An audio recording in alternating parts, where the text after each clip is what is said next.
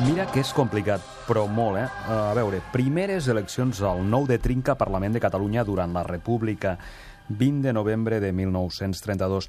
S'ha d'esperar un any i veureu, la celebració d'aquestes eleccions és de traca legislativa obtusa i enrebaçada, un sistema que sembla un jeroglífic d'una civilització extraterrestre, uns comicis regulats pel decret de govern provisional de la República del 8 de maig de 1931, per disposicions aclaridores posteriors, per la llei electoral del 1907 i els paràgrafs segon i tercer de l'article únic de les disposicions transitòries de l'Estatut i espera, perquè la gent per anar a votar ha de saber moltes més coses. El sistema electoral establert era el majoritari a dues voltes amb representació de les minories exigia un 20% del sufragi perquè tothom pogués ser escollit a la primera volta i es basava en el sufragi universal dels més grans de 23 anys.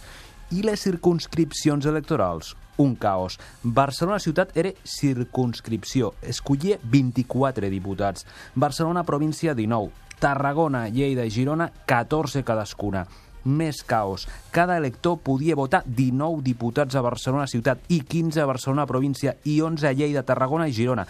Vaja, que era una mena de llistes obertes i Macedònia. Podia escollir fruita de totes les candidatures. Resultat de tot, tendència a la fragmentació, objectiu deixar enrere el caciquisme.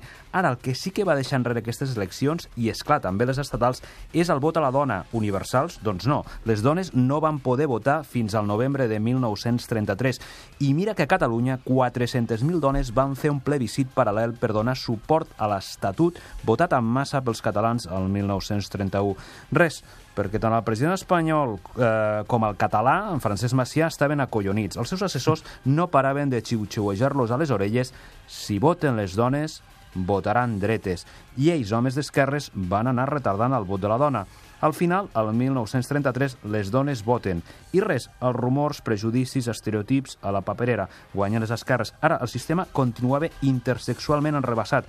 Vaja, igualtat en la complexitat i en la dificultat d'entendre a qui i com es votava.